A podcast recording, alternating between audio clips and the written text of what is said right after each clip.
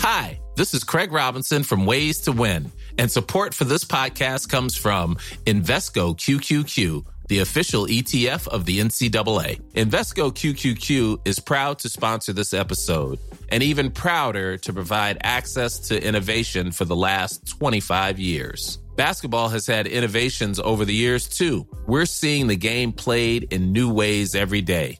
Learn more at Invesco.com slash QQQ. Let's rethink possibility. Investco Distributors, Inc. Burrow's furniture is built for the way you live. From ensuring easy assembly and disassembly to honoring highly requested new colors for their award-winning seating, they always have their customers in mind. Their modular seating is made out of durable materials to last and grow with you. And with Burrow, you always get fast, free shipping. Get up to 60% off during Burrow's Memorial Day sale at burrow.com slash ACAST. That's burrow.com slash ACAST. burrow.com slash ACAST.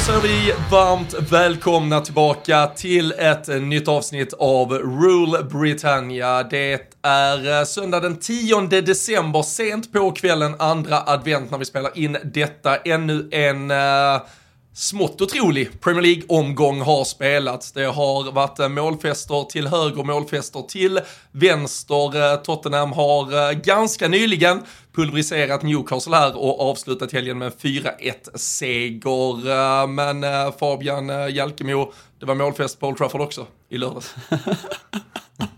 ja, jag orkar, jag, ja, nej, jag, alltså det, det är topp tre mest otaggade jag varit på att spela in ett poddavsnitt eh, någonsin. Eh, jag... Och, och, och, de, och de andra är de två senaste söndagarna ungefär? Nej, men då har jag ändå känt att jag haft något att säga, att jag liksom har kunnat, ja det har liksom brunnit i mig, jag har kunnat koka, jag har kunnat liksom skrika ut min frustration och låta uppgiven och liksom raljera på mina spelare, men eh, jag vet inte vad idag, alltså allt går bara emot mig. Alltså allt. Alltså, alltså, och sen att du ska sitta och vara så glad för ditt lag, ni är inte ens bra, ni är pissdåliga och ni leder ligan. Det är typ lika frustrerande som att vi är dåliga. För fan vad ni frustrerar mig, det är helt otroligt.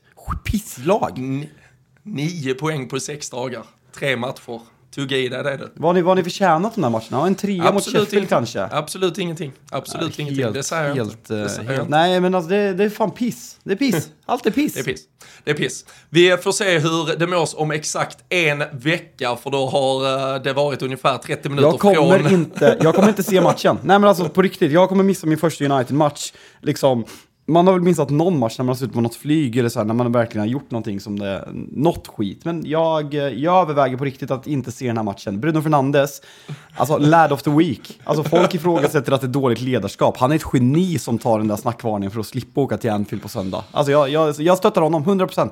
Ja, vi, vi, ska, vi ska återkomma till, eh, till lördagen och eh, grisiga Liverpool-segrar och eh, vad fan Manchester United sysslar med. Men i andra delen av känslospektrat, om du då befinner dig på någon form av uppgiven botten, så finns det supportrar just nu till lag i denna liga som måste vara bättre än vad de kanske någonsin har gjort. Det är i alla fall det vi ska försöka ta reda på. För vi har äntligen Aston Villa-representation med oss i Rule Britannia och eh, därmed så öppnar vi dörren och välkomnar eh, Oskar Laurell eh, till oss. Eh, som sagt, fan du måste må betydligt mycket bättre än Fabian Jalkemo i alla fall. Eh, oh ja, det, det stämmer. Eh, tusen tack för att jag får vara med. Eh, ja, eh, jag vill inte sparka på någon som ligger ner, absolut inte. Men det är ju klart att jag mår jävligt bra sett utifrån vilka förväntningar och förhoppningar jag har haft på den här säsongen. Absolut. Vi, eh, vi fick, eh, eller vi får ibland till, vi, vi snurrar in en del gäster. Vissa gäster har liksom kommit och gått, varit med någon gång sådär. Vissa har blivit mer kanske återkommande. Vi, vi fick faktiskt på ja, men till oss då på, jag tror det var på Instagram här i veckan angående, vi hade Pierre Hartin, Arsenal-supportern med oss eh, i veckan, som hade också, det är liksom jävligt kul att ni har med den där Pierre, men ni har aldrig riktigt berättat vem han är. Är han en journalist eller är han pilot eller vad är han? För han är ju iväg hela så vi, vi, vi ska liksom inte fastna kanske i att måla hela personporträttet kring dig, men vi kan väl i alla fall landa i att du är eh, aktiv del av eh, Svenska fans-redaktionen eh, då för eh, Aston Villas eh, räkning så att säga. Så en aktiv del i supporterskapet i Sverige. Ja men absolut, det stämmer. Jag är en av, eh, nu ska vi säga om vi är sex, sju stycken skribenter där. Eh, så att jag har skrivit eh, för Aston Villa på Svenska fans sen faktiskt den säsongen vi gick upp. Så då fick jag ju fråga ifrån styrelsen då i Villa, i Villa Sweden som frågade om Ja men fan har du lust ändå att skriva några dagar? För att jag hade ju lite tankar och åsikter som jag ville vädra på Twitter och då tycker de att ja men fan då kan du försöka få ut det i skrift också på Svenska fans då. Så att, och det, det var ju en alldeles lysande idé för att då slapp ju min eh, fästmö få höra en jävla massa grejer liksom. Så att det var, det här var, det här var alldeles perfekt. Ja, men det låter bra det. Om vi, eh, som du säger så, sen har du säkert varit supporter längre än så, men eh, en, en viss resa från uppflyttning till Premier League till att på fyra dagar besegra Manchester City och Arsenal.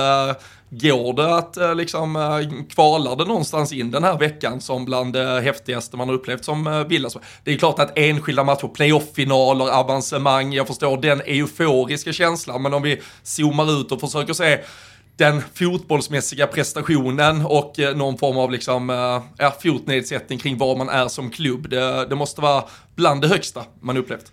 Ja, absolut. Visst är det så. Och eh, jag är ju som så som Aston Villa-supporter. Jag har följt Aston Villa intensivt ska jag säga sedan 2012. Sen har jag ju liksom haft sympatier för klubben långt innan dess. Men det var ju mer då eh, i en tid. Jag är, jag är ju 91 precis som Jalkemo. Och eh, på den tiden när man gick i mellanstadiet och högstadiet, det var ju så att då skulle man hålla på ett lag överallt. Det kvittade om det var innebandy, fotboll, hockey, curling, vad fan som helst. Man skulle i alla fall ha ett lag. Och på något sätt så blev det så här, ja men okej, vilket lag ska du hålla på? Ja, fan vet jag liksom. Alla andra höll på Manchester United, någon höll på Liverpool, någon höll på Arsenal och, och så var man ju i en eh, situation där man kände att man ville sticka ut lite och då tyckte man att nej men fan Aston Villa låter väl liksom käckt. Olof Mellberg kände man väl till liksom, men inte mer än så. Eh, men från det att jag eh, började följa Aston Villa mer intensivt från 2012-13. Det har inte varit några glanssäsonger där, inte så att man har ju varit jävligt liksom utsvulten på framgång så att säga. Så att eh, som svar på din fråga, självklart är detta den häftigaste veckan någonsin skulle jag säga i mitt supportskap. Absolut. Det, och, det, och faktum är att det har faktiskt inte riktigt landat än.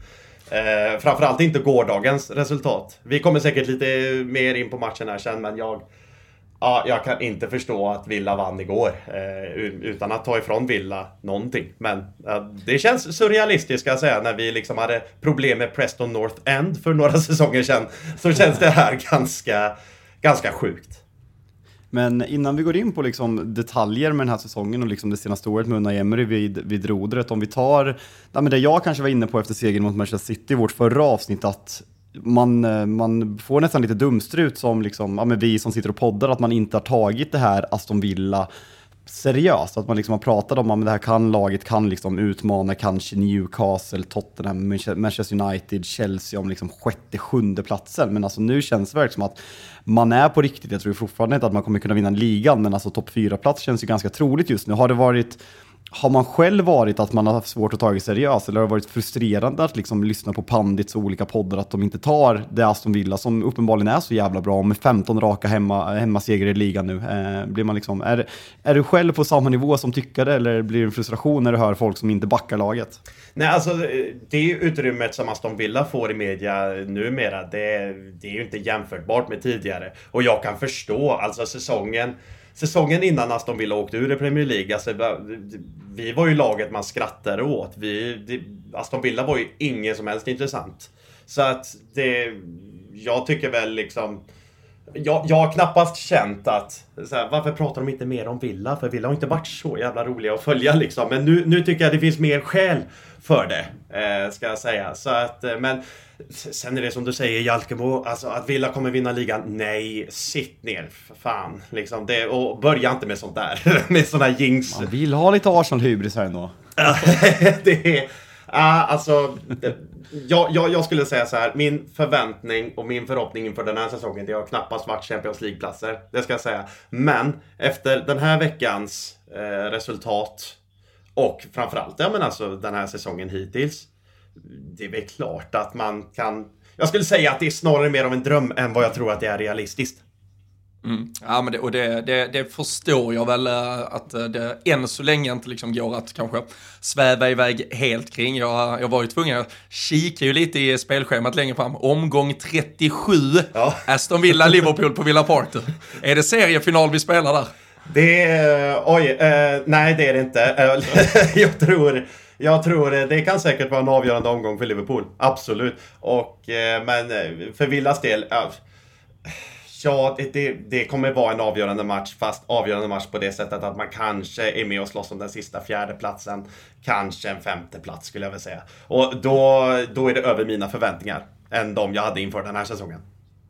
Det, det, låter väl eh, ganska sunt och rimligt. Eh, men eh, något vi har återkommit till, även om man då kan kanske tvista kring hur mycket man har tagit Aston Villa på allvar, om man har uh, underskattat uh, dem ändå uh, utifrån vad, vad de uppenbarligen har för höjder i sig, så har ju Una Emery ändå fått någon form av revival. Han har fått det där kvittot och framförallt liksom folk som skrattade åt honom i den där Arsenal-dressen har ju verkligen fått sätta det där i, ja, men i halsen igen här, för, för det är ju verkligen en markering och går vi det här dryga lite mer än året tillbaka sedan han kom in så så har han ju varit bland de absolut bästa i ligan och då pratar vi faktiskt över en ackumulerad säsongsprestation eh, egentligen. Det, det har ju verkligen varit.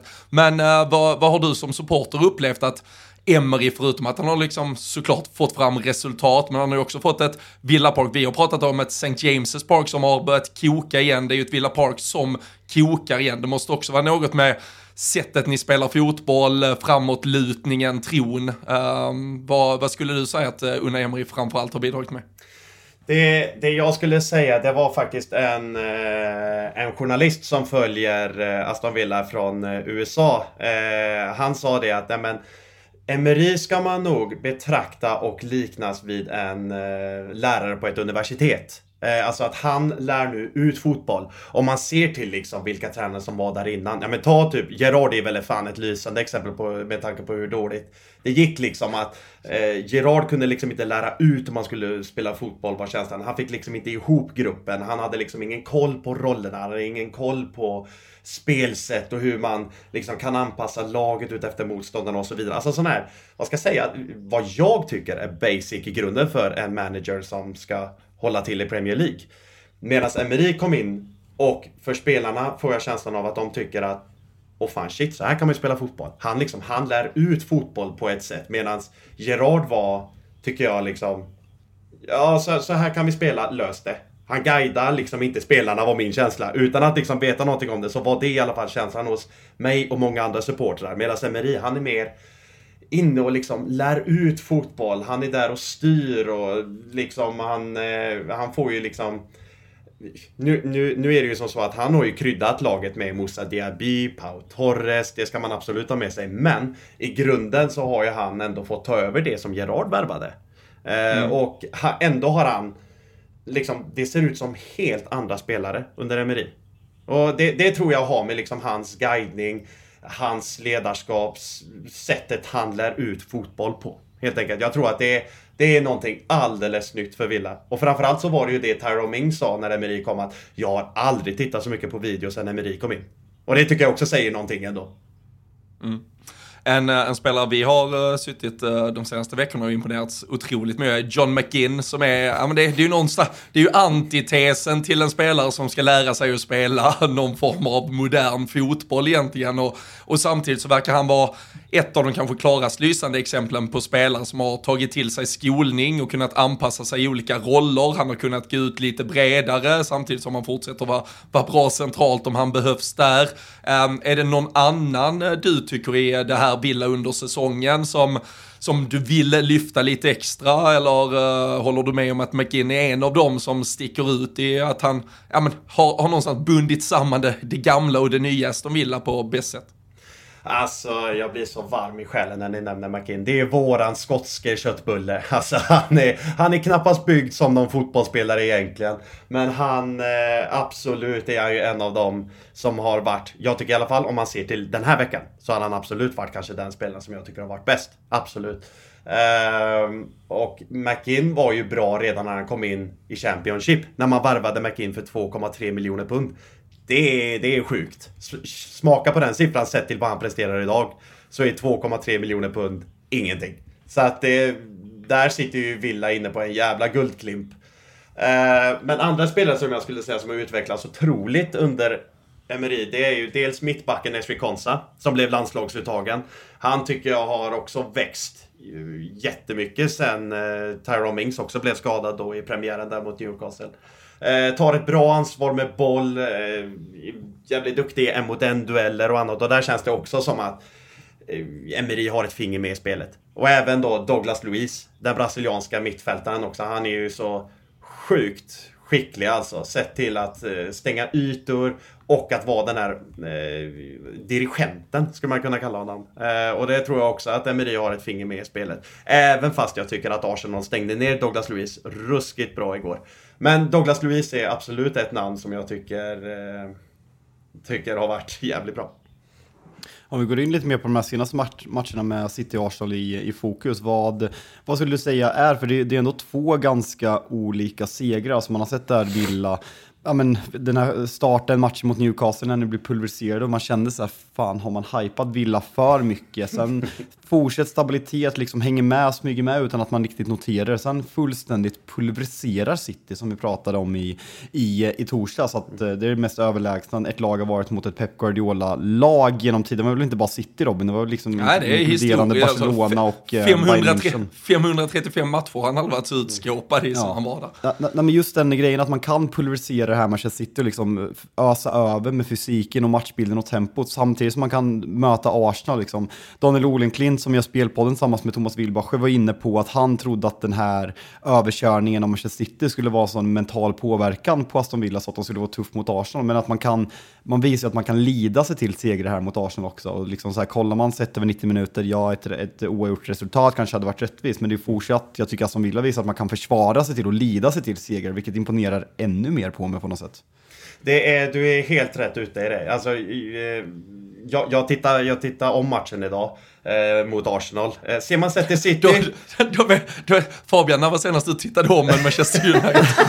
jag, jag, jag tänkte på det. Det är inte så att... Det är inte så, ja, men, skulle du ge mig 10 lax hade jag inte suttit med tvångströja och sett om Bournemouth just nu. Inte, alltså, 30, alltså 30 är... kanske, men 20, nej inte 20 lax, aldrig, alltså, aldrig. Det, det, är så soligt i villaläget när man kollar om matcherna. det, det går bra nu, så är det. Du vill inte titta om mot bomban för att se vad var det som gick fel? Det är, nej, nej inget sånt. Nej. nej, men alltså när, när jag tittar om matchen mot Arsenal så tycker jag att det är jävligt tydligt just idag att eh, Emery var ju ute och pratade inför matchen om att, äh, men, för att vinna mot Arsenal då krävs det ju, ja men delsvis eh, liksom personbästa, absolut. Men det krävs också nu att vi måste vara sjukt jävla effektiva för att det kommer inte komma många lägen mot Arsenal. Så att vi måste vara sjukt effektiva. Medan mot City så pratar han om att nej, vi kommer absolut inte ha mycket boll, men vi ska ligga jävligt nära dem. Vi ska se till att de inte kommer till särskilt många avslut. Och eh, det var väl som ni pratade om också i podden där mot eh, när Villa eh, vann mot City där då att nej men det var ju inte alls särskilt många skott mot mål som City hade då. Vilket tyder på att nej, men då funkar det ju Emerys matchplan där. Hur funkar Emerys matchplan mot Arsenal? Ja, man var sjukt effektiva. Man hade inte alls lika många lägen, man hade inte alls lika mycket boll som Arsenal, men man var sjukt effektiva när lägen kom. Så det tycker jag också är... Ja, det, du, du, sätter fingret på något Jalkemo, att det är... Det är ju två segrar, det är sex poäng, lika mycket värde, men det är ändå två helt olika segrar. Mm. Det jag tyckte var kul mot eh, Arsenal var ju faktiskt att och, och, jag tror kanske, jag vet inte om det var en del av matchplanen, men det var i alla fall nog någon tanke på för jag tror inte Villa var de var nog inte redo för 90 minuter med den här energin återigen, men däremot de första 10 minuterna var ju ett sånt jävla energibatteri så det var helt sinnes. Jag tror ändå man bestämde att okej, okay, för kan vi få 1-0 de första 10 så är det nog där vi kan vinna matchen, för vi kommer inte orka vara bäst på plan i 90 minuter men istället vara bäst på plan i 10, mm. få utdelning. Nu, såklart att, att, alltså lite flyt att få den utdelningen direkt men det var ju det var ju någonting man jobbade stenhårt för, för helvete. Man visste ju också att man skulle ha fansen med sig i ryggen med tanke på veckomatchen och så vidare. Så det var ju, jag tror ändå man använde alla parametrar rätt där också. Och det är också, återigen, berömt till Emery hur man väljer att ta sig an det. Så nej, mycket cred. Mycket cred. Ja, jo, jo, jo, men så är det. Och man var ju lite orolig inför matchen när man ser att åh oh shit, han ställer ut samma gubbar som spelar mot City. Ja, fan. Hur, vad, vad är orken där liksom? Men då såg man ju också då att nej men fan, han gjorde ett byte i andra halvlek. Ut med Leon Bailey, för det visade sig att han var fan helt slut. Ja, men okej, ut med Kamara, in med den här, in med den Donker. Vad fan. Men det är liksom... Eh, han, han, och han, han byter ut eh, Luka Ding till slut in med Moreno, han byter ut Konsa. Alltså att det känns ändå som att Emery har en plan sett till att rent mentalt och framförallt rent fysiskt, du orkar fan inte så två så tuffa matcher inom loppet av så få dagar liksom att kunna liksom på ren, vad säger man, energi och adrenalin besegra dem. För den kvaliteten tycker jag väl kanske inte riktigt eh, finns. Eh, om jag ska vara helt ärlig. Men eh, där, där, där har ju Emery en ruggig jävla fingertoppskänsla.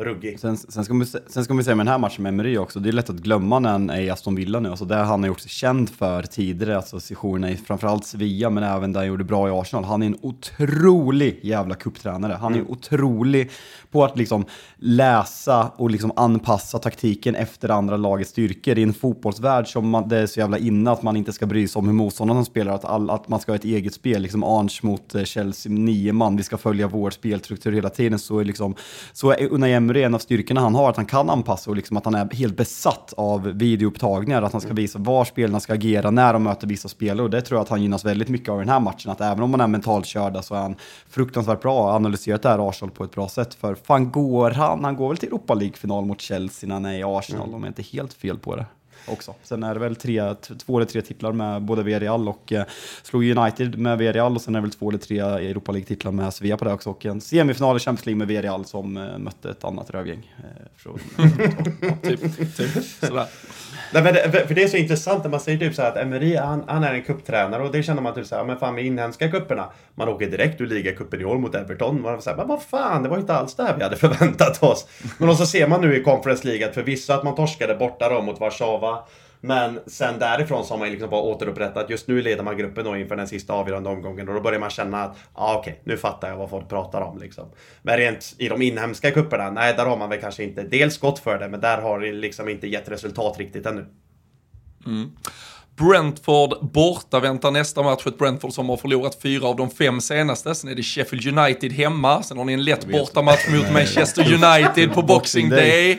Sen, sen är det Burnley hemma, Everton borta, Newcastle hemma, Sheffield United borta. Alltså, känner man lätt på det här schemat så ska ni nog fan ändå vara med i den absoluta toppen fram till februari. Sen får vi väl se om det kan börja gå åt andra hållet. Sen ska det in det där Europaslutspelet och annat och det börjar eh, hända saker i huvudena också. Men eh, fan, klart ni ska vara med ett tag till i toppen i alla fall. Det, det, det är snarare förhoppningen.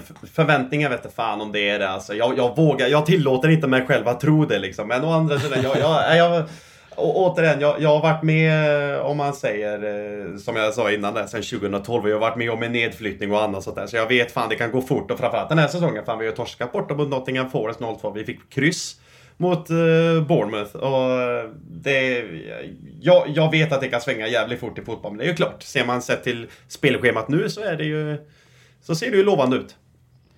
Vi bara fråga en sak, vad heter vi, vi ska väl börja gå vidare och prata andra matcher mm. och du kommer gästa podden vidare igen, men jag måste bara fråga, alltså, det, det var, varit en jävligt snygg övergång med, med Declan Rice som liksom lämnade West Ham till Arsenal och det känns liksom som att alla West Ham-supportrar fortfarande liksom stöttar Declan Rice och vill att det ska gå bra för honom. Vad känner man för Jack Grealish i Aston Villa-läger? Liksom en liten Judas eller var det lite likadant, att man kände att han var för stor för vart Aston Villa befann sig där så att han liksom, man unnade honom den övergången han fick. För jag, eh, ja men det är ju typ en av mina favoritspelare i Premier League genom tiderna när han spelade i Aston Villa. Nu får man, har man ju fått plocka bort de känslorna av naturliga skäl för att han representerar Manchester City för egen del. Men vad, eh, vad, vad känner man för honom som Villa-supporter? Eh, frågar du mig personligen så, så, så kände jag liksom, eh, som du sa Jalkemo, att han, han är lite för stor för Villa. Eh, det var ju han som lyfte Villa under när Dean Smith var tränare där. Och man mm. kände väl att, äh men fan, Grealish måste få ta nästa steg. Det var min känsla och eh, man man visste ju mycket väl om att även fast han hade signat nytt kontrakt och drog säsongen efter så visste man ju att han signar ju inte ett nytt kontrakt om det inte finns någon form av klausul där han vet att något av topplagen kan lösa ut honom. Absolut, det visste man ju redan där och då. Svider såklart naturligtvis, för jag menar Jack var ju en favorit även hos mig. Fan, jag har ju föreslagit liksom Jack som namn till min förstfödde, men eh, nu blev det en dotter å andra sidan så att det, det, det var inte genomförbart. Men Eh, men jag, jag, tycker fortfarande att Jack är en gudabenådad fotbollsspelare att titta på. Och eh, vill, skulle han vilja komma tillbaka till Aston Villa så välkomnar jag honom med öppna armar. Men frågar du den stora supportergruppen så tror jag nog inte att du får samma svar. Utan jag tror att det var många som eh, Ja, men rent av tog illa vid sig. och hade väl också på något sätt, vad ska jag säga, alltså det kan låta hårt men jag tycker att många hade nog inbillat sig att han skulle bli någon form av eh, Totti. Att han skulle vara mm. one man club. Och nej, nej så fungerar inte dagens fotboll. Och, eh, han, han vill ut och vinna titlar och jag tycker att han hade gjort det jobbet som krävdes av honom i Aston Villa. Han var kapten, han tog upp Aston Villa, han etablerade Aston Villa i Premier League. Det är bara att tacka honom för allt han har gjort. Så känner jag. Ja. Han tog ju också det rutinerade gula kortet här för att slippa förnedringen på Villa Park också, så att han var avstängd där. Så det var snyggt och smart av honom. En konspirationsteori god som någon, tycker jag. Ja, ja. Jack och Bruno, två genier. ja, eller hur? Eller hur? Men det ska, det ska jag också säga att eh, seger mot City och överkörning, absolut. Men jag vill också ta höjd för, ja men man, vi, vi fattar vilka det var man saknade också. Framförallt Rodri, ska jag säga. Fy fan vilka jävla fotbollsspelare. Och det syntes att han saknades mot Villa. Absolut. Men återigen, skador är en del av sporten och eh, Aston Villa och Emery, de utnyttjade att Rodri inte var med. Så är det, så är det. Vi eh, utnyttjar att du har varit med, för det har varit för jävla trevligt Oskar. Eh, stort eh, tack för att du var med och gav Villa syn på den här säsongsinledningen. Vi är fan snart halvvägs in på säsongen och, och ni är med där, men vi tar väl tempen igen om ett par veckor eller någon månad här så ser vi var Aston Villa befinner sig. Men stort tack för att du var med här Oskar, så hörs vi snart igen. Det gör vi. Ha Ryan Reynolds här från Mint Mobile. With the price of just about everything going up during inflation, we thought we'd bring our prices down. So to help us, we brought in a reverse auctioneer, which is apparently a thing. Mint Mobile unlimited premium wireless. Ready to get 30, 30, bit to get 30, bit to get 20, 20, 20, bit to get 20, 20, bit to get 15, 15, 15, 15 just 15 bucks a month. So, Give it a try at mintmobile.com/switch. slash $45 up front for 3 months plus taxes and fees. Promo for new customers for limited time. Unlimited more than 40 gigabytes per month slows. Full terms at mintmobile.com. Hey there, it's Michelle Norris. I'm host of a podcast called Your Mama's Kitchen. When I travel, I'm usually looking for a way to find a taste of home when I'm not at home. And one of the things I love to do when I am at home is entertain. And Airbnb allows me to do that. When I was in California recently, I rented a house that had a great kitchen. And when we were sitting around the table, we we're all thinking, we're in someone else's house. Someone could be in all of our homes as well. If you have a home, but you're not always at home, you have an Airbnb. Your home might be worth more than you think. Find out how much at airbnb.com/slash host. Burrow is a furniture company known for timeless design and thoughtful construction and free shipping, and that extends to their outdoor collection. Their outdoor furniture is built to withstand the elements, featuring rust-proof stainless steel hardware, weather-ready teak, and quick-dry foam cushions. For Memorial Day, get 15% off your Burrow purchase at burrow.com slash ACAST and up to 25% off outdoor. That's up to 25% off outdoor furniture at burrow.com slash ACAST. Gott. Ja, det är uh, nästan som man uh, fan uh, önskar att de som lyssnar på detta en mörk måndagmorgon här nu, troligtvis som starten på veckan, hade den bildupplevelse jag hade, eller vi hade här, som fick sitta i ett videosamtal med Oskar, för det var, det var soligt så in i helvete i det där villalägret. Det, var, det gick, alltså det, fan den här mörka natten blev ljus till och med nere i Skåne med Oskars leende i bild. Alltså jag är ju på bättre humör nu än vad jag var för 27 minuter sedan när vi drog igång inspelningen. Jag, liksom, nej men jag ville inte podda, jag låg och liksom ja, men, kom hem efter en eh, helg i, i Stockholm och liksom, ja, men, eh, sista 20 minuterna på Spurs, somnade i soffan, jag orkar inte podda, jag vill inte prata fotboll, Liverpool vinner. Sen var det ett tag där, jag, alltså så här, City ligger under bara, det kommer bli ett jävla tvåhästar-race mellan Liverpool och Arsenal, jag orkar inte, jag klarar inte av det här. Alltså, och, och vi har startat den här podden och du ska få sitta och må så jävla bra och sen ser man att LFC-podden pushas och det är sån jävla studs i dojan och medvind i seglet bara. Orkar inte, men nej, nej, Oskar gjorde mig på eh, li- lite bättre humör. Men som sagt, ingen repris för United-bompan idag. Eh, kan jag erkänna. Fullt, eh, fullt eh, förståeligt och eh, rimligt.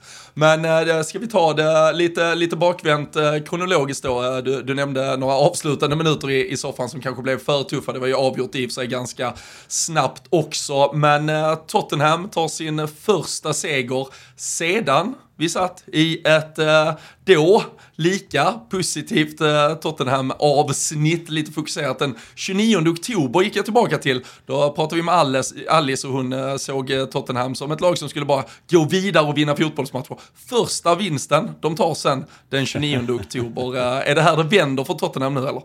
Eh, alltså, ja, de har ganska passande schema och sen så det går ju liksom peka på, på skador eh, för Tottenham. Liksom, jag har ju kanske varit lite allergisk mot att folk pekar för mycket på skador med Manchester United, men jag tycker verkligen att det finns en annan, en annan anledning att göra det mot eh, Tottenham. Spelar man, spelar man om matchen senast mot West Ham så tror jag att de vinner väldigt många av de matcherna och med Romero och Dogge på, tillba, tillbaka i backlinjen och eh, Pedro Porro tycker jag går från klarhet till klarhet eh, och sen Sarr tillbaka på centrala mittfältet och när till och med Richarlison gör dubbla kassar, då vet man att det är något, eh, det är något stort på gång då. Det, det var alltså hans första, om jag tolkar det rätt, jag låg som sagt och halvsov, men om jag tolkar det rätt så är det alltså hans första mål som startspelare sen han skrev på för klubben. Ja, det var i alla fall, jag, jag noterade eh, faktiskt inte just det, men jag noterade det var, det var hans första mål med foten sen han kom till Tottenham. Alla andra hade varit nickar tidigare också. Än, Han, han är inte ens en huvudspelare. Ja, nej, men så det var, och det, men det första gången han gjorde två mål eh, sen, eh, sen typ två år tillbaka. Det var i Everton-tröjan. Vad känner du för honom? Nej, det, är- han är långt ner på listan. Jag gillar honom ju. Alltså, vi, vi enas i Liverpool-hatet. Där, där är han fin. Ja, du, du och han enas i att göra kycklingdansen på Merseyside. Det är väl det enda ni har gemensamt. fall. Ja, ja, Men, äh, men jag, alltså, och sen, jag, jag vet inte om du då låg och halvsov där, men alltså, såg du Christian Romeros äh, tackling i slutet? Tackling på Isak när det är offside. Eh, Nej, nej, i slutet när han sätter äh, dobbarna i, äh, vem är det? Kellen Wilson.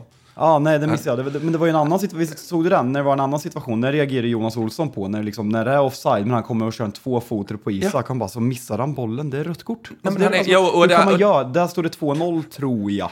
Och här när han gör den sista så står det ju 3-0 och den är också så här, ja, jag vet, jag tycker väl nästan så som de har bedömt vissa av de här just när de har gått in med dubbarna under säsongen, så kan det lika gärna vara rött. Och alltså, han kom väl tillbaka förra matchen för, för en avstängning och, och så står det 3-0 och så är han beredd att ta den där. Alltså, du, du brukar ju uh, han, för, liksom referera till Jürgen Klopp som ett psykfall. Här har du ett, tvätt, ett tvättäkta alltså det, Och också så här, alltså, jag, kan, jag, jag uppskattar kanske ändå position för att han ger kanske, men fan plocka ut, alltså leder man med 2-3-0, du måste plocka av honom, man kan inte ha honom kvar på plan, det är helt Alltså, livsfarligt alltså. Alltså tu- tuppfighting är väl en problematisk sport, eller hur? Det är väl ganska... Det, det, väl inte, det hade inte till- till- tillåtits i Sverige. Hade det inte varit kul att köra tuppfighting med Romero och Darwin? Låsa in dem i en bur och betta på en som överlever? lever. Ah, fy fan, de hade, hade slutat med att de, nej, de hade, nej, det, det hade kunnat gå riktigt jävla. Folk hade kunnat betala... Jag, jag hade såklart inte gjort det, men folk hade kunnat betala dyra pengar för att se den uh, tuppfäktningsmatchen. Ja, fy fan. Vi, eh, vi får se, vi kanske får det i någon uh, Copa America-final eh, nästa sommar eller någonting. Ja, när, när de två ska göra upp. Men uh, Tottenham eh, med, med beröm såklart uh, godkänt. Sån uh, mål från straffpunkten inblandad i det mesta. Var ju uttryckt lite till vänsterkanten då istället. Och därifrån så serverar han ju både Udogi och eh, Richarlison. Men Newcastle är det ett lag som till slut betalar priset nu för eh, den eh, skadeproblematik, det intensiva spelschemat. 3-0 på Goodison till slut när inte orken var Mm. med längre. Det är väl tre mål efter typ, ja, om det är 80 eller Matchen- 79 matchen minuten. innan, vad, vad hände där? Matchen innan? Jag kommer inte ihåg. Det var ju någon pulverisering mot United för en vecka. Just det, och sen två, två 1-6 målskillnad på två matcherna. Eh, Så, så, var- så var det ja. Det, det är kul att vi kan öka självförtroende. Gällande Son, innan vi är tillbaka till Newcastle. Det är så jävla kul Eh, måste jag ändå säga att Son, ja men han var ändå ifrågasatt och man, man kände liksom, man är 29, eh, kommer upp i 30, eller om man är till och med 31, han är 92, 93 att hur många spelare är så, gör en sån platssäsong och sen kommer tillbaka. Det, det, var ju liksom oroande, kommer han komma tillbaka på den nivån han var på? Men nu känns det nästan som att han har tagit en ännu större roll när Kane är borta och liksom de två assisten han gör och sen att han själv får fixa straffen och slå in den. Det, det är en otrolig insats. Sen går det som sagt att, eh, att prata om Kieran Trippier också som har blivit en garant för Newcastle som har gått bort sig duktigt. Han är ansvarig på egen hand för Evertons 1-0 mål eh, i Midweek som liksom startar den sena avgöranden på Goodison och idag går han ju bort sig duktigt när han tjurrusar på Son när han sätter in 2-0 målet om det är till Richarlison väl. Så, mm. men, men som du säger med Newcastle, det, det syns att det är ett uh, tröttkört lag, att det är ett lag som inte är van att uh, dubblera med Europa och sen där tillsammans med skadorna så börjar det verkligen göra sig påmint. Uh, det är väl rimligt på något sätt, men samtidigt så ska man ta höjd och slåss om de, om de platserna som de vill så, så är det inte okej okay att klappa igenom så här i dubbla matcher i Premier League.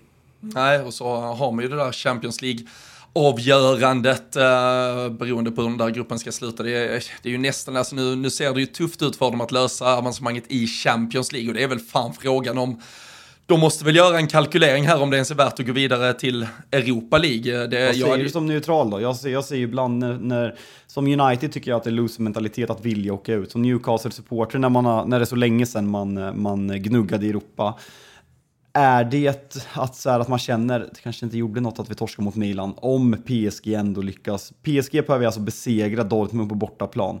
Då är det kört eh, mm. för PSG, men då krävs det en poäng mot Milan för att ta Europa, eh, Europa League-kvalplatsen, sextondelsfinalen. Men är det loser-mentalitet och hoppas att man, att man åker, att det är Champions League eller inget, eller? Eller är det rimligt? Nej, alltså det, det, är klart att, eh, och jag tror inte du kan, alltså du kommer inte ens kunna ha den diskussionen i ett omklädningsrum innan att vi, beroende på vad som händer i en match så går vi för något Nej. annat. Alltså Newcastle kommer såklart gå för det. Men det skulle nog kunna vara deras lilla lycka i slutändan om det inte blir någonting alls. För, för nu, nu har vi, eh, vi har ju eventuellt eh, dels en Premier League som är utökad till fem Champions League-platser till nästa säsong. Det är extremt jämnt där. Jag, jag tror väl kanske inte att ett lag som Brighton kommer vara med hela vägen upp, men kring då Newcastle, ditt Manchester United, Tottenham, om nu inte Aston Villa fortsätter flyga, det kommer nog ändå vara ganska jämnt att slåss om den där fjärde, femte platsen och, och då tror jag att Newcastle kanske gör bättre i att slåss om den under hela under hela våren än att uh, parallellspela ännu mer. Det, och, så, och, så, istället liksom få njuta av den lyxen av att spelare kommer tillbaka. Jag hör Kieran Trippier, nu blev, fick han ju ett gult kort som gör att han är avstängd nästa omgång, men han har alltså missat 30 minuter fotboll på hela den här säsongen, annars har han spelat allting. Och det är klart att det till slut blir ofokuserat. Det är väl två mål faktiskt mot Everton. Han ligger direkt bakom i stort mm. sett. Och så två, ja, gånger, två gånger om här då, där uh, först, uh, ja, men först när Son spelar fram Duggi och ja, han kommer i alla fall runt på den där Trippier-kanten. Och det, det finns väl högerbackar i den här ligan som hade fått lite mer skit om de hade försvarat på det sättet under en vecka. Men uh, nej, så jag, ja, Newcastle, de hade nog mått ganska bra av att få spela en match i veckan ett tag framöver. Ja, alltså det, det, är väl verkligen känslan och det är så här, alltså kollar man på, på skadelistan, det är inga så här som man bara känner, fan de här gör laget så jävla mycket bättre direkt. Det är Sven Bottman absolut och sen är det Nick Pope som såklart skadas, men Den Burn, man underskattar ju honom för att han mm. heter Den Burn och ser ut som Den Burn gör, men han, han saknas ju. Harvey Barnes, liksom, Anthony Gordon har varit väldigt bra, men han behöver liksom understöd. Han har inte visat en enda gång i hela sin karriär att han är en garant att han levererar 38 matcher i rad. Sen blir det intressant att se. Nu ska väl inte Dubravka kanske lastas för någon av de här förlusterna, men två matcher, sex insläppta mål. Eh, det blir kul sju att se. Sju insläppta till och med. Är det sju? Ja, just mm. ja, det blir det ju. Eh, den matten var inte, var inte 3-0 och 4 eh, men ja. ja. Som sagt, jag somnade. Jag missade Spurs 4-1 mål. 4-0 mål. Och eh, vad heter det, så det blir kul med ryktena med David de Gia och gällande David de Gia och sådana saker. Fan, följ oss på Instagram, vi är tjatiga mm. men det börjar gnuggas på med silly season och eh, vi ska väl komma fram till Lad of the Week i, i det här avsnittet. Fool of the Week jag, jag, jag väljer fan att utse Anel Ahmedhodzic där på egen hand. Ah, alltså, det, det är inget jävla, inget jävla snack. Alltså, han, han ska ha den och det är efter kommentaren att han är den första spelaren på sju år som inte väljer att bära regnbågsbindeln som man ska ha mellan den andra och sjunde Mm. eh, december var, varje år. Och när han får frågan av SVT varför han inte valde att göra det så svarar han gissa. Eh, så Full of the Week är Anel Ahmedhodzic enligt Rule Britannia. Sen kanske vi vi kanske ska prata lite om det senare, eller så lägger vi upp det som en överraskning på under måndagen, vem vi tycker har varit. Nej, men, eh, är det omgångens spelare eller är det blandat? Är det så här Ja, det- det- luddig? Det, ja, den är lite luddig faktiskt. Det, det tycker jag. För jag har också börjat inse att det skulle ju kunna vara en tränare som, som blir Lad of the Week också känns det som. Skulle, alltså Unai skulle det kunna vara den här veckan, alltså Ja, bara som ett absolut. exempel. Absolut. Vi, vi, har en, vi har en Ireola som har gjort en helt okej vecka också. Till Verkligen. exempel. Vi har ett par spelare. Vi, ja, men, men eh, just uh, Lad of the Week, den, den jobbar vi fram lite under avsnittet. Så ser vi om vi landar i någonting eller så får man det uh, under, under måndagen uh, ute på uh, Instagram. Så där ska man följa oss. Rule Britannia Podcast. Men mycket bra att du sätter ner foten och eh, plockar Anel där direkt. Jag, eh, jag, jag liksom fick ju inte med den lilla kryddan i min sågning av honom senast och fokuserar ju bara på det sportsliga och han var ju fullständigt eh, liksom klappkast mot, mot Liverpool. Men eh, när man sen då nås eh, i efterhand också av eh, det här att han, ja, alltså verkligen gjorde ett statement av att inte bära regnbågsbindeln, då, då inser man att det, det brinner lite i den där skallen och det är klart att han är full of the week. Så ehm, eh, verkligen uh, en, uh, nej, fy fan, Anel Ahmedhodzic, ehm, en, en lirare det. Du, men eh, någon som eh, nästan kvalar in, han, han är väl inte full of the week, men det blir ganska så skrattretande när Maurizio Pochettino står efter en 2-0-förlust mot Everton, efter vad är det i miljarder kronor som har spenderats och han säger att snart är det ett januarifönster, då måste vi spendera. Men alltså jag läste på, på Twitter nu eh, innan vi gick på inspelning, alltså av alla de lagen som har spelat i Premier League hela 2023. Alltså det är alltså 17 lag. Chelsea är sämst poängmässigt. Sämst! Och då, är det liksom, då kollar man på, nej men Steve Cooper håller på att få sparken. Roy Hodgson håller på att få sparken. Det är alltså, jag kan, liksom, ni som inte har koll på vilka de här, då kanske ni tänker, nej men är det City som Roy Hodgson tränar? Nej men det är Crystal Palace och Steve, Steve Cooper då? Nej, Nottingham. Iraola, Bournemouth, liksom skrattade förra året. Wolverhampton, nej men de tappade hela laget. Tappade hela laget och liksom skulle åka ut, de skulle inte ta en poäng i år. Alla de här lagen har tagit mer poäng än vad Chelsea, som har, de tre senaste fönstren, har värvat för 10 miljarder. 10 miljarder! De har Nej, tagit, är det 36 poäng på 36 matcher? Eller vad fan det var? 39 på 39 tror jag att det var. 39 på 39 tror jag att det var. Alltså jag finner inga ord. Det här får mig att må, jag mår, låt mig vara tydlig, jag mår inte bra när jag tänker på fotboll just nu i mitt supporterskap. Men det får mig ändå att må lite bättre. Att United är så fruktansvärt dåligt, men vi är inte det största skämtet. För Chelsea är Alltså herregud, jag, jag pratade senast om i, i den här podden att jag skulle gästa en, en Chelsea-podcast och liksom prata om Chelsea och eh, prata om Manchester United. Jag varit, jag varit så chockerad på något sätt för de som, de var så positiva.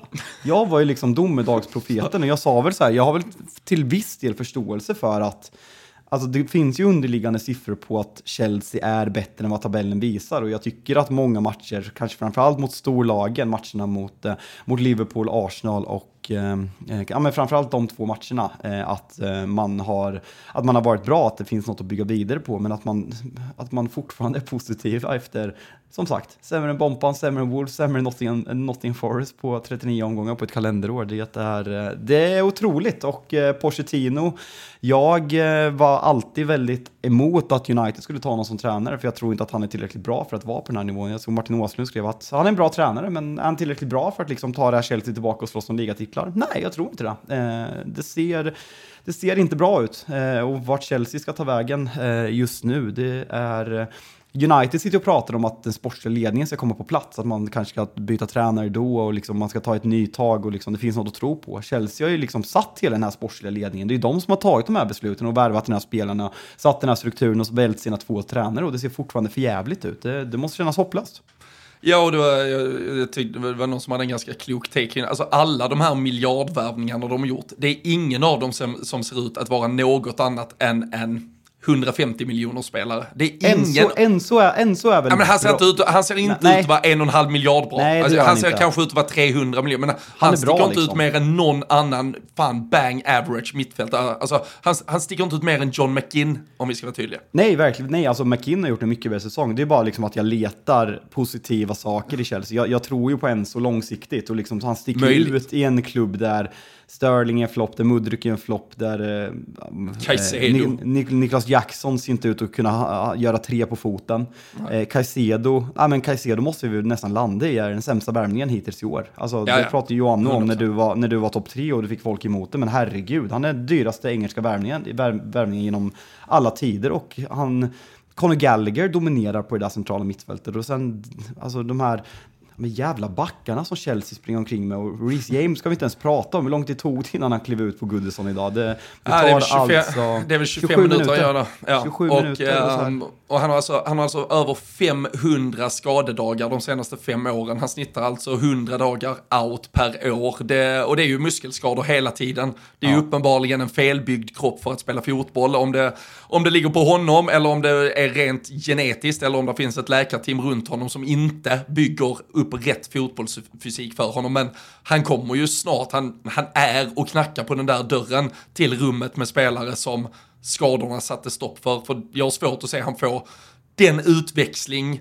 man delvis såg, men framförallt såg framför sig skulle komma efter Ja, är det Tuchels första år där han är helt otrolig? Hösten och man ju helt otrolig. Ja, och man, och man och ser ju och höjden. eh, våren när Tuchel kommer in och sen eh, våren, eh, hösten menar jag, hösten i ligan. Så Tuchels Mm. första hela säsong är han ju otroligt bra innan han skadar sig där i december någon gång. Men eh, om man får vara lite efterklok, eh, var det ett dumt val? Så här, det känns som att vi supportrar lägger alldeles för stor del och liksom prata om bindlar, är man en lämplig kapten, jada, jada, jada. Men Bruno Fernandes är liksom en debatt i höger och vänster. Var det dumt att lägga binden och ge Rhys James binden och liksom sats, prata om det här, liksom, alltså straight out of, out, of Cobham, vår egen spelare, liksom ansiktet utåt för nya generationens Chelsea, men han spelar inte. Han blir ju liksom ansiktet utåt för det nya Chelsea för att han aldrig är på plan, för att han är skadad hela tiden. Eh, och han är den som ska leda det här laget. Eh, var det dumt eller är det bara att man sitter och är efterklok när det liksom bara fortsatt med skador?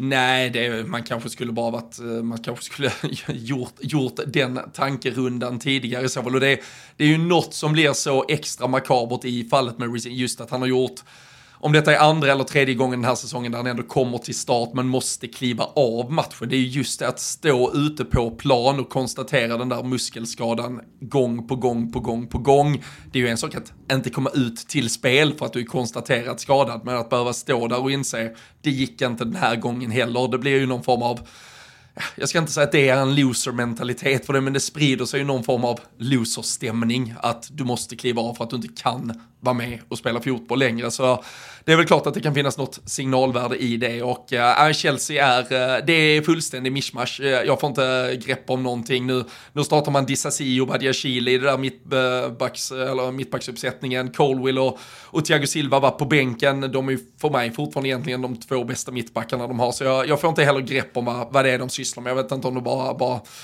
läge för rotation, men det känns som att de bara ja, shufflar upp det där eh, liksom, lagbygget, kastar ut spelarna på plan och så ska det gå som, eh, ja, så, så bra som möjligt, men det går ju allt som oftast helt åt helvete faktiskt. Eh, lika många poäng som Wolves och Bournemouth den här säsongen på 12 plats. Hade Everton haft sina 10 poäng till hade de ju varit 4 poäng före faktiskt. Så, Ska eh, vi, nej, ska vi det är ett uselt?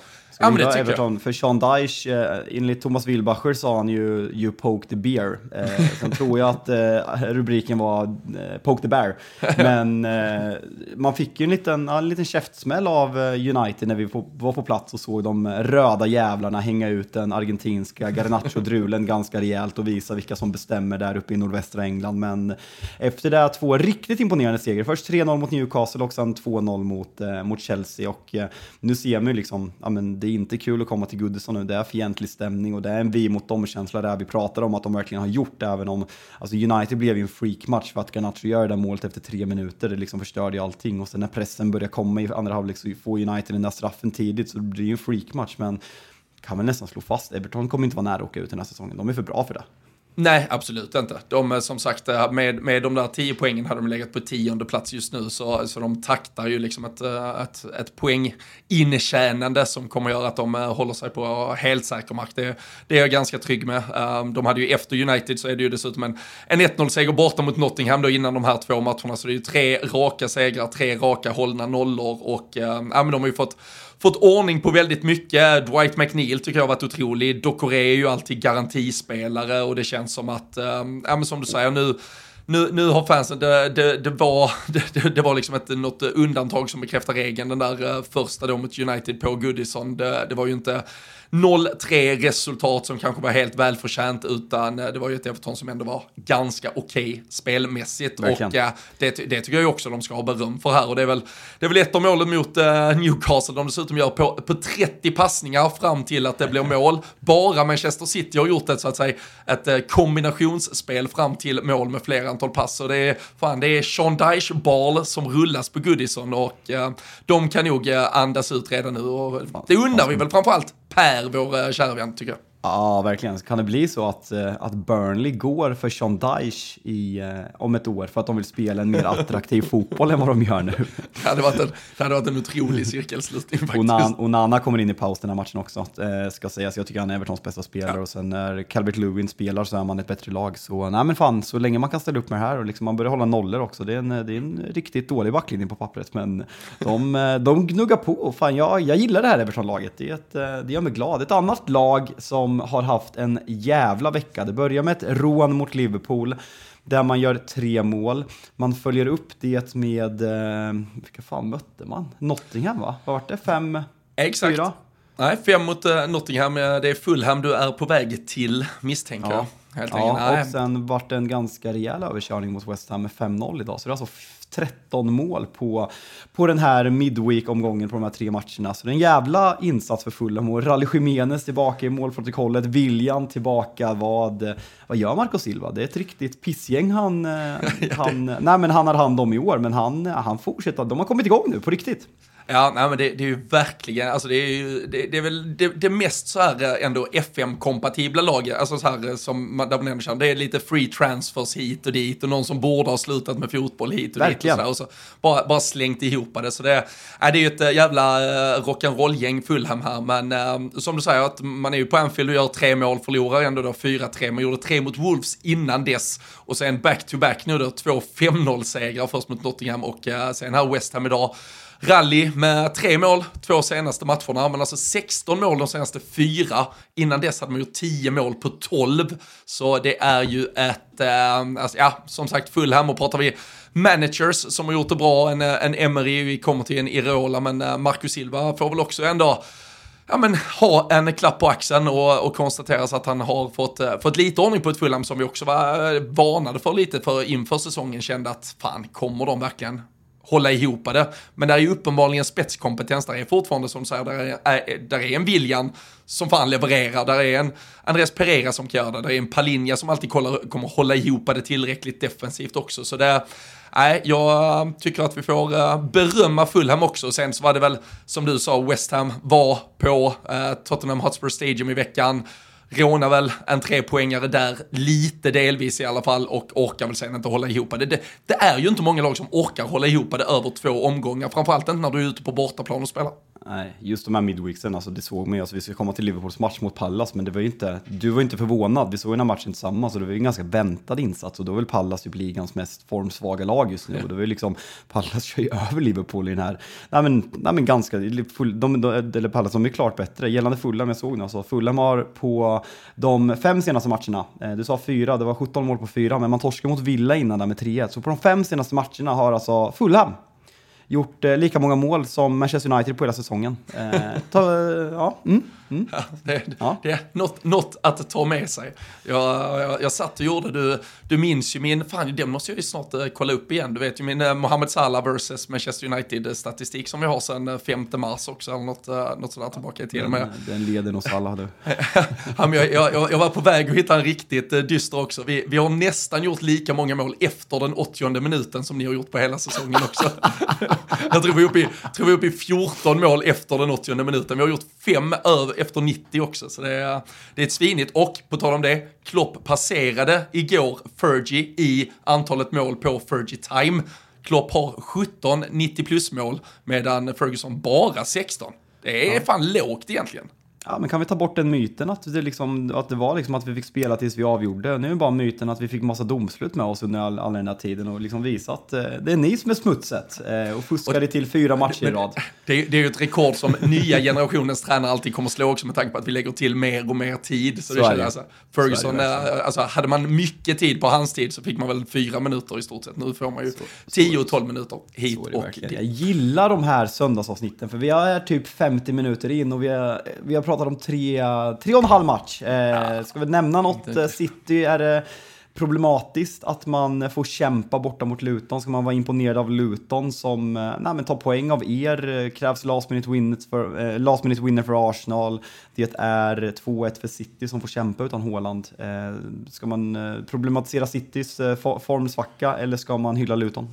Nej, men jag, jag, jag tycker du, du inledde ju med att säga att liksom Liverpool har varit uh, smutsiga den här veckan och tagit två segrar man knappt uh, förtjänar. Och, Ja. och, och, nej, men, och, det- nej, men det ser ut så. Alltså, bort, få, få, som sagt, det är, ju, det är ju hälften av lagen har haft två hemmamatcher och hälften av lagen har haft två bortamatcher i stort sett. Och Att, att åka iväg på två bortamatcher med tre dagars mellanrum och eh, man vet att eh, lagen som får framförallt lag som City, som Arsenal, som Liverpool på besök, i alla fall på de här lite mindre arenorna i de lite mindre klubbarna.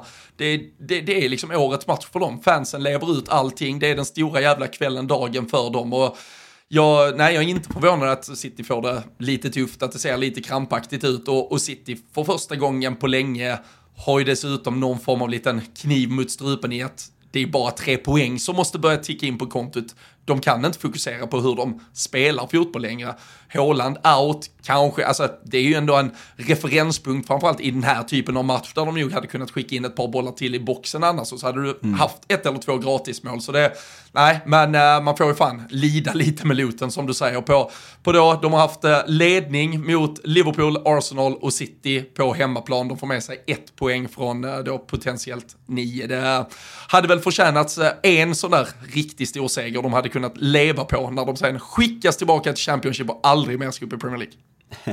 Nej, men det, det, är ju verkligen känslan. Nej, men det är väl det vi behöver säga om den matchen. Eh, 13.30, Liverpool, Crystal Palace. Eh, mentality Monsters, eller? Alltså fortsatt eh, mycket sena avgöranden. Alltså hur mycket ska man eh, värna in i det? Alltså jag blir ju... Alltså du kan, du kan liksom, våra kids-lyssnare som pratar ett annat språk än vad vi gör, sitter och säger att jag gråter. Men eh, jag tycker inte att ni imponerar. Men likväl så är det fortfarande en jävla styrka att ni ligger där ni gör. Sen är ni ju två helt olika. Ni är kanske det där laget, om man kollar de, de på pappret bästa lagen, som är störst skillnad hemma och borta. För ni är helt otroliga på hemmaplan, men ni får slita vilka ni än möter på bortaplan. Liksom på förhand. Jag skulle kunna spela Liverpool minus 1,5 på söndag mot Manchester United och vara stensäker på att den sitter. Medan den här matchen är liksom 50-50 vilka som kommer vinna för Pallas. Man är inte förvånad över att de ja, är så bra och står upp så bra mot Liverpool som de gör. Vad, vad säger du på... Är jag, är jag bitter eller har jag något i det jag säger? Jag är såklart bitter. Nej men du, du, du, jag, jag tycker du har något i, i båda sakerna du säger och jag, alltså, jag, jag bara tar en, liksom, slänger en blick på tabellen just nu och tar man lag alltså, från 13 till 20 då är det alltså Wolves, Bournemouth, Crystal Palace, Nottingham Forest, Everton, Luton, Burnley, Sheffield. På, ju, just nu hade jag sagt de värsta åtta matcherna att spela på hela säsongen, det är bortamatcherna mot de åtta lagen. Alltså, nej men alltså bortamatch mot Arsenal, bortamatch mot City, borta, alltså så här, jag fattar att det, det är troligt att vi till slut, även när vi då summerar efter 95 eller 97 minuter, så har vi kanske löst poäng. Men det, det kommer vara en behagligare upplevelse mot de här stora lagen där det eh, trots allt öppnas upp för en fotbollsmatch. Vi, vi är inte bra på de här alltså, mindre arenorna, mindre planer. det känns intimare, det känns som att vi inte liksom spelar ut, det blir krampaktigt så in i helvete. Och den matchen igår, jag har sett den 10 000 gånger för. Däremot så är det ju precis som du också säger, någonstans och vi kan säga mentality monsters och vi kan säga att det är liksom en styrka i laget. Vi, vi har tenderat att, att vinna ändå. Jag, jag tror vi har bara de senaste fem eller sex matcherna så är det ju också, alltså det är ju en vändning mot Fulham, vi vänder här, det är sen kvittering mot City, det, det är många sena sådana här, och det, det tycker jag ju ändå måste vara ett testament till att vi, vi gör rätt saker, att vi, att vi också har använt truppen ganska bra. Det var ju för en gångs skull så plockade ju Klopp ut Salah med ja, men en halvtimme kvar mot Sheffield. Han plockar aldrig av Salah egentligen, men nu till slut så är det Salah som orkar de sista tio minuterna mot Crystal Palace. Och utan att vara briljant på något sätt så är han på rätt ställe med att sätta dit en boll och peta fram den till en annan. Och jag tycker Harvey Elliott gör ett jävligt häftigt och inspirerat inhopp och han är ju lite så här, han är ju så här, men supporterspelare, vi pratar Garnacho, Ronaldo, fanboy-grejen, uh, Harvey Elliott är väl det närmsta vi kommer i Liverpool som Ja, men där, där, han verkligen ser och lär av Mohamed Salah vecka in och vecka ut och, och vill, vill verkligen spela både med honom och vad fan är han? Är han 20 nu? 20, ja. 21 kanske? Men uh, han har ju liksom växt ut till Ja, men han är ju också så här, han är ju det röda supporterhjärtat som ändå springer runt på planen och, och det, jag tycker också det är jävligt viktigt och det ger nästan extra mycket när det är en sån spelare som dunkar dit avgörandet. Så det, det, som du sa, jag är helt med på att Liverpool har varit eh, direkt dåliga under de mesta av stunderna, de här tre matcherna som har spelats på en dryg vecka, men det är ändå nio poäng på de tre. Nu är det United hemma, det är Arsenal hemma, det är dags för Anfield att, att leva upp till någonting här och så eh, är det ju bara för Liverpool att fan, blicka framåt och tro på saker och ting. Och det, det känns som att truppen börjar göra nu och då, då kan det väl fan, det kan väl gå hur långt som helst. Alltså två, två segrar där så, alltså jag vet jag att City fortfarande är oddsfavorit, men två segrar i de matcherna så skulle jag nog hålla Liverpool som favorit med tanke på att man har mött alla tuffa lagen på bortaplan i stort sett. Eh, så det blir, det blir spännande att se om det liksom kommer fortsätta att ticka på. Gällande något som jag satt och stoltserade väldigt mycket för för några veckor sedan, att eh, Manchester United var formstarkast i Premier League i formtabellen senaste fem. Har du koll på vilket lag som toppar den tabellen just nu? Målskillnad före ditt kära Liverpool och Aston Villa kan jag spo spoila så att du får lite enklare att tippa. Ja, jag, jag har ju som vanligt eh, gjort, eh, gjort förarbete, men det måste väl vara eh, Bournemouth som är där uppe. Det är väl fyra och ett kryss va? Mm, det är bomba. Ja, det... det... är fyra vinster, ett kryss och 12-3 i målskillnad på de fem senaste matcherna. Det är Kommer du ihåg när vi gjorde de här inför snacken? Vem som, hade, vem som satte upp ett litet varningens finger för det här Bompan och lyfte Iraola som en väldigt spännande tränare som kan spela en väldigt vägvinnande fotboll och jag tror att jag hade dem på tionde plats. Minns du vem det var? Uppenbarligen så var det väl du då i så fall. Nej, det var jag. Det, var jag. Det, var, det är rätt. Det är rätt. Det är, det är du är stark idag. Ja, vi kan, du hade väl även Manchester United före Liverpool tror jag i det där tabelltipset. Jag hade United som trea va? ja, ja, kanske, jag inte jätte, kanske, inte kanske, kanske inte ska kika allt för mycket på det. Men, äh, men det är ju jävligt coolt. Äh, vi, vi snackade lite om det i Toto Live Weekend som äh, man dels kan lyssna på i det här poddflödet. Men framförallt så kan man ju oftast på lördagar klockan 11 se det live på YouTube. Men det lilla spanska tränarundret, eller det baskiska rent av. Jag var tvungen att kika, kika upp Irola lite mer och eh, det är alltså så här. Andoni Irola, han spelar alltså ungdomsfotboll för den lilla baskiska klubben Antiguoco. Uttalet tar jag inget ansvar för.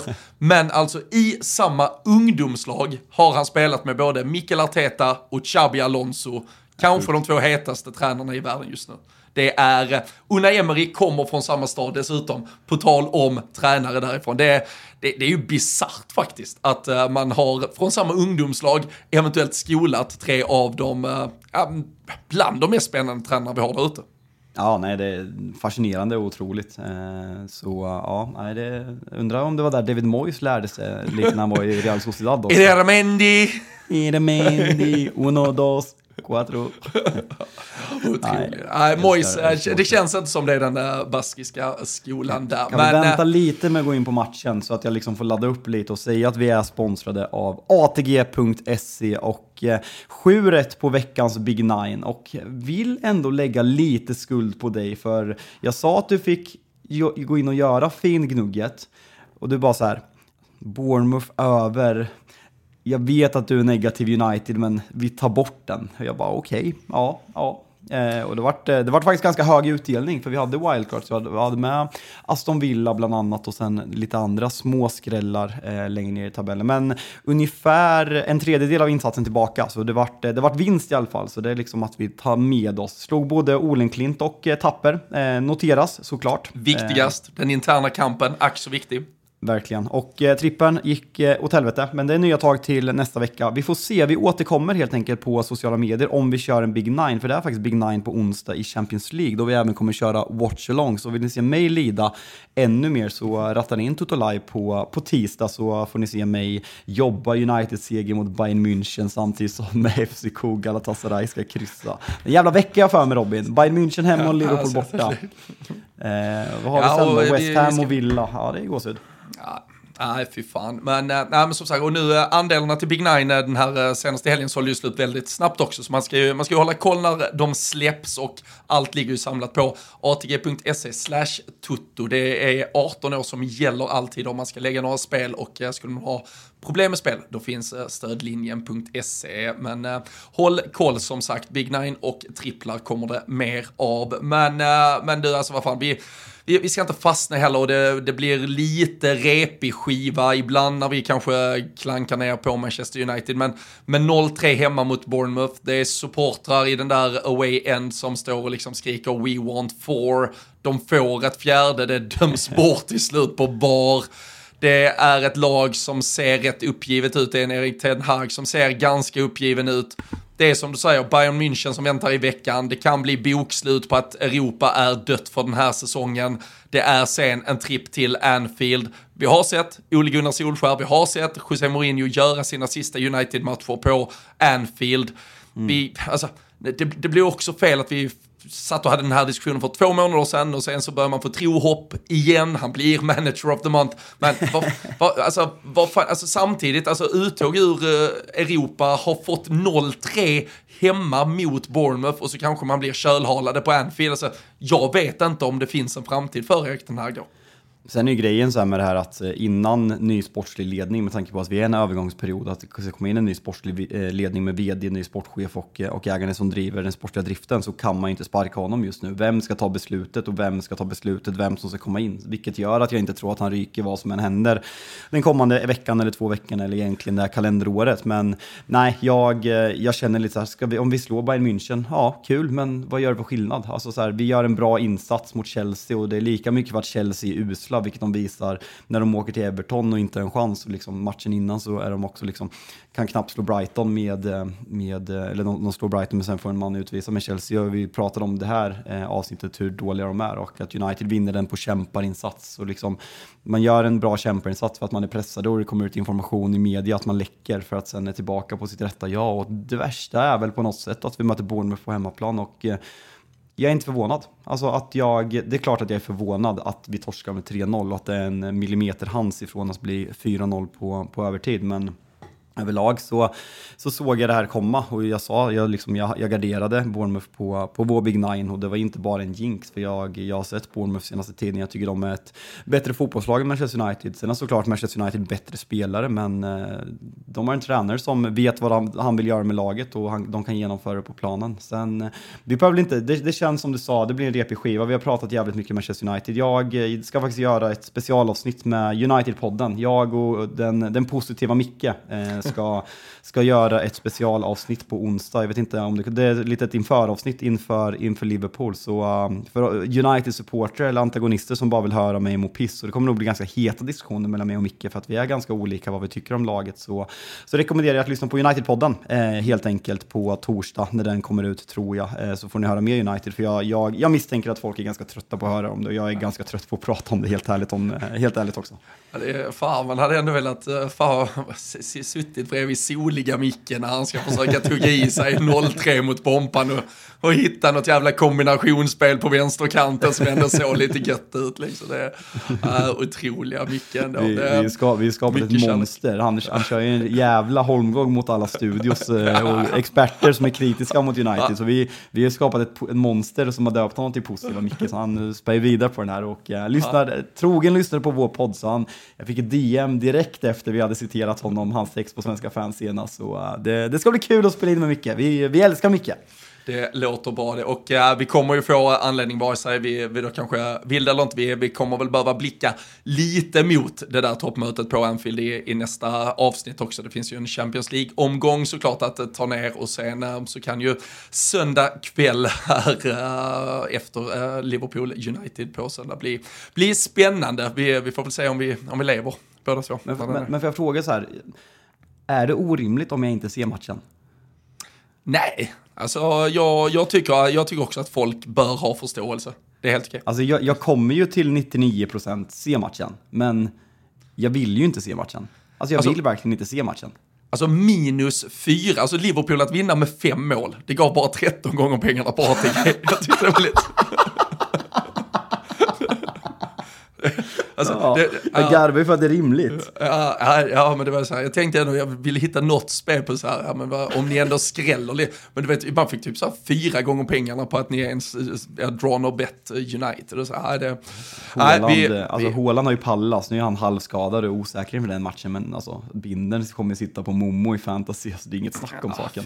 Historisk jävla Momo som eh, gick upp på 200 Liverpool-mål också kan vi väl eh, bara konstatera och lyfta på, på någon jävla hatt för. Nu är han uppe bland de största i Liverpool-historien Ska också. vi, ska vi prata lite innan vi börjar tänka på refrängen också? Vi, vi pratar jävligt mycket om Aston Villa. Eh, är det något vi vill säga om Arsenal eh, den här matchen? Eh, för vi, det varit väldigt stort Villa-fokus. Villa eh, kan man säga något om Arsenals insats? Kan man säga något om domsluten? Jag, det blir så jävla lätt. Så jag vet att jag kan hänvisa till Twitter ibland, men det känns så jag får, jag får upp så jävla sjuka Arsenal-konton.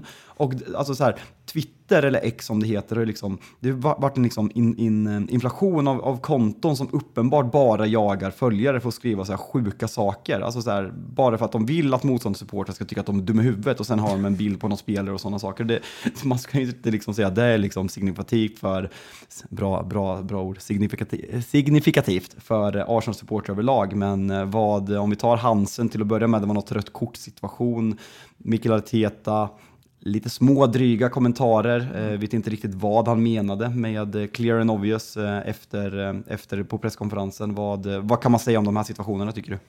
Jag tycker det är trist just med tränare som inte bemöter media med bättre respekt för det första. Men, förutom, förut, förutom det så har jag väl inte så mycket, men nej, men alltså jag, som så, jag, jag tycker, och lite precis som Liverpool, alltså, och när, när man väl löser segern då, då är man alltid så här på, då tar man ställning kring att det ändå var en, en mästarseger, men, men tendenserna både på, på Liverpools bortaspel, på samma sätt med Arsenals bortaspel, har ju varit att det, det har inte varit så jävla bra uh, senaste tiden, så att, att Arsenal inte skulle lyckas på kvalitet orka vinna den här matchen, det är jag inte jätteöverraskad över. Men, men sen som du säger, visst, där är ett par dumslut. mycket är sånt här man hittar lite i efterhand. Det är väl någon, någon arm och någon armbågaktigt när det dras till upp i huvudhöjd. Det är väl den här straffsituationen mot Jesus som jag det, den kan man väl absolut blåsa för. Det, det, jag hade ju köpt om man hade blåst för den. Uh, och uh, det, vi, vi har väl de här olika tolkningarna av en jävla massa situationer varje vecka just nu. Och jag tycker fan ändå vi ska ha cred för att vi i uh, en timme och åtta minuter lite drygt som vi har varit igång inte har fastnat i alla jävla dumma situationer. För Jag har typ inte ens nämnt Liverpools nej, och, nej, och at the end of the day måste vi väl, alltså, vi måste väl kanske landa i att vi inte ska sitta och snacka i dumma sakerna för mycket tills vi har situationer som direkt avgör den här titeln. Och det kanske de här små situationerna hit och dit gör, men fy fan vad det blir tråkigt om vi ska sitta och, och nagelfara varenda jävla situation. Så det, jag, jag, så här, jag är inte över, jag tycker inte Arsenal förtjänar jättemycket mer. Hade ett kryss varit rättvist? Absolut. Kan de vara förbannade på att det där sista målet inte gälls? Nej, det tycker inte jag. Den tycker jag är tillräckligt klar i alla fall. Sen är det kanske situationer längs vägen de tycker att de blir feldömda i. Det, det, det får man väl absolut Folk- köpa, men Alltså, alltså jag har sett att folk har blivit irriterade, typ att det är hans på Matty Cash innan det är hans på Havertz. Jag fattar frustrationen, men hans regeln för försvarande lag och för en målskytt är inte samma sak. För är du målskytt så spelar det ingen roll. Alltså he- hela liksom logiken i hans regeln, hur medvetet det är, position på armen försvinner ju. Tar den på handen, hur den är, än är, så är det hans. Och det är det som är, för Matty Cash har ju sin arm in, in, inom, inom kroppen och sen var det väl att de kollade länge, verkar ju vissa tro på att de ville veta om det var Havertz eller eh, om det var Enketia som är sist på bollen. För hade Enketia varit sist på bollen, då blir det en bedömning huruvida Havertz är är hans för att den är tillräckligt onaturlig, yada yada yada, då hade det nog inte blivit bortdömt exempelvis. Så de får ju det domslutet rätt. Eh, sen, som sagt, vi, vi, vi skiter i det. Jag har fan inte sett så jävla många arga Arsenal-supportrar på sociala medier heller, så de, de känns som att de, de kanske lärde sig en läxa efter, en läxa efter det där statementet och eh, reaktionerna som var, även om de kanske inte kände så då. Så de, eh, de kanske skäm, skäms lite i smyg. Mm, Tror jag inte de kommer att erkänna. Nej, och jag tror Arteta får framförallt passa För nu var han väl, sa, nu var han väl avstängd för eh, alltså, gu- gula kort gula, så att säga. Ja, exakt, och eh, han väntar ju fortfarande på att få ett eventuellt då straff från uh, Newcastle. Han kommer, ju- han kommer få 23, han kommer få 23. Ja, men fast, alltså, det- fan, jag vill hellre ha han på, på linjen mot Liverpool. Han, han brukar kunna brusa upp och få fart på Anfield faktiskt. Så det, jag gillar att ha han där. Han bidrar med lite energi till, till Liverpool. På hemmaplan så kan det vara rätt eh, bra att ha en motståndartränare att rikta sitt äh, agg mot. Men äh, det är jävligt mycket häftig, sprakande fotboll vi har framför oss. Jag tänker att Brighton Burnley 1-1, Sheffield United Brentford 1-0 och Wolverhampton Nottingham Forest 1-1 får ursäkta Hade den här pratat en helgen. halvtimme om Sheffield om inte Anel Ahmedhodzic vore ett rövhål. Det, det kan vi väl landa. Men ni som håller på Sheffield United, att vi inte pratar om er idag när ni egentligen vinner, det, det är Anels fel. Så sorry. Så är det. Brentford som jag nämnde där i förbifarten tidigare, fyra av fem senaste har man förlorat. Uh, Gillar man borta. faktiskt. Gillar man, på tal om rövhål, Thomas Frank. Eh, Han- Du han börjar bli mig själv igen, hör du det? Ja, Söndag kväll. Ja, exakt, exakt. Lite ovärdigt att Thomas Frank har fått två gånger i podden de senaste två månaderna bara att han är ett rövhål från ingenstans egentligen av dig. nej, men det- han, eh, Han är dans. eh, Han är dans. Alltså jag, gill, jag gillar honom ju typ ibland i intervjuer, men jag, det var någon match mot United förra året när jag verkligen kände hat mot honom och det där har etsat sig kvar och sen, och sen alltså danskan, Alltså, jag gillar ju inte danskar och jag har svårt att fatta danska, men vi fick ju en dansk broder på vår resa som vi flög med, så uh, gillar Danmark lite nu också. Alltså, så, uh, Den danska Thomas får sin känga ibland. Den danska glöggen ska med på julbordet i år. Det får du inte glömma. Oh, ska, fan, ska fan köpa lite port. Vad hade vi? Portvin, rom och konjak eller? Jajamän, jajamän. Ja, det, är ett recept, det är det enda receptet jag aldrig kommer att glömma. Tror jag. Ja, drack, drack Hellströms, eh, de, de kör ju, Hellströms gin kör ju så här årglögg som härmar lite Stockholms bränneri. Drack jag idag eh, tillsammans med årgångsglöggen från, eh, från Blossa. Otroligt. Härligt. Lilla, lilla glöggen kan man ju ta här och fi- fi- fira in veckan på andra Man måste vara 18 år, har ni problem med sprit finns, eh, vad finns då? Stöd, stödlinjen? Ja, Man måste väl inte ha, Ja. man måste vara 20 år om man ska dricka överhuvudtaget. Nej, drick, dricka Eller är handla, 18, handla dricka 20. är 18, Handla handla är 20. Ja, det är bra.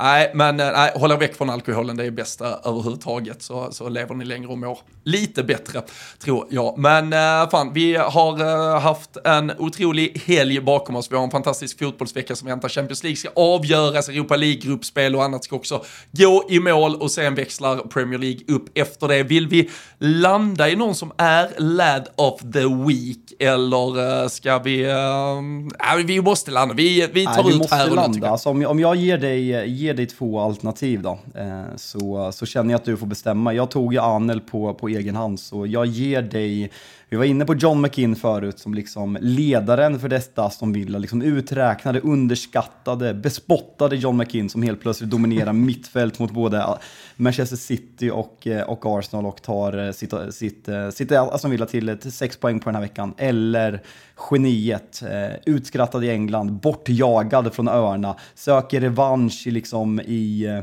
i, i Villarreal, den här lilla pissstaden med gula ubåtar, tillbaka, Gerards arv och han är alltså näst bäst i Premier League kalenderåret 23 och krossar Manchester City och Arsenal den här veckan. Unai Emery, eh, så du får välja. Vem är vår lad of the week eh, vecka två efter Trents flopp förra året?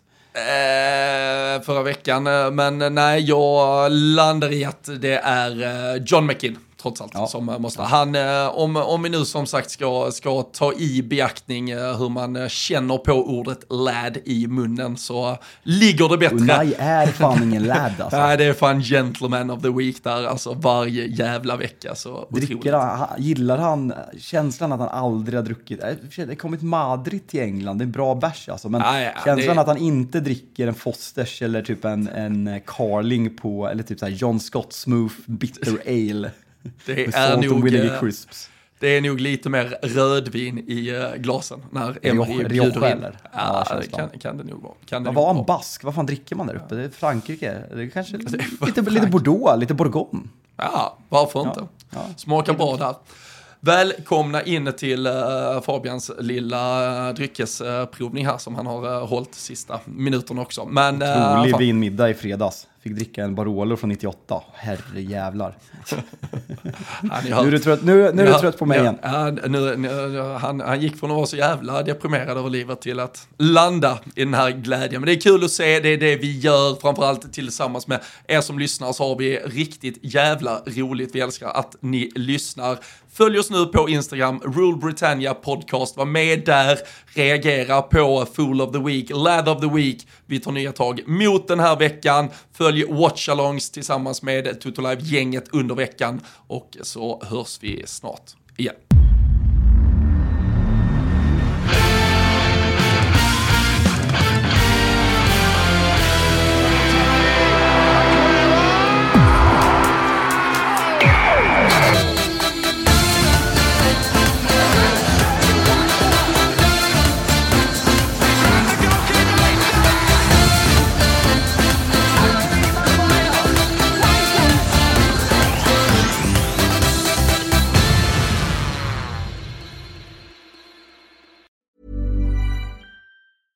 Mom deserves the best, and there's no better place to shop for Mother's Day than Whole Foods Market. They're your destination for unbeatable savings, from premium gifts to show-stopping flowers and irresistible desserts. Start by saving 33% with Prime on all body care and candles. Then get a 15-stem bunch of tulips for just $9.99 each with Prime. Round out Mom's menu with festive rosé, irresistible berry chantilly cake, and more special treats. Come celebrate Mother's Day at Whole Foods Market.